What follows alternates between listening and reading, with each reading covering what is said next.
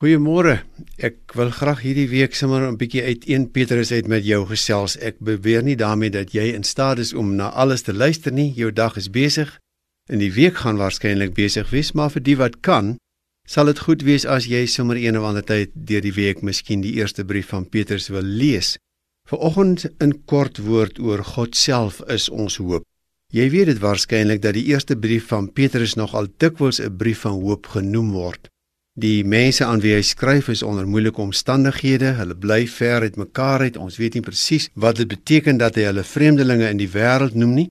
Miskien is dit omdat hulle nie regtig burgers is nie en net woonreg het, of dit is miskien sommer net omdat hulle as Christene in hierdie wêreld vreemdelinge is. En die brief dra hierdie woord van bemoediging en van troos. En hoe nodig het ons dit nie almal nie. Vanoggend sommer net 'n woord oor die feit dat hy hulle God se uitverkorenes noem. Bedoelende God weet van julle. En die tweede vers van die eerste hoofstuk van Petrus die sê dan ook soos God dit vooraf bestem het, het hy julle uitverkies en deur die Gees afgesonder om aan hom gehoorsaam te wees en besprinkel te word met die bloed van Jesus Christus. Hy wil hulle net daaraan herinner dat waar hulle ook al is, wat omstandighede ook al mag wees, en vir sommige van hulle was dit moeilike omstandighede. God weet van hulle.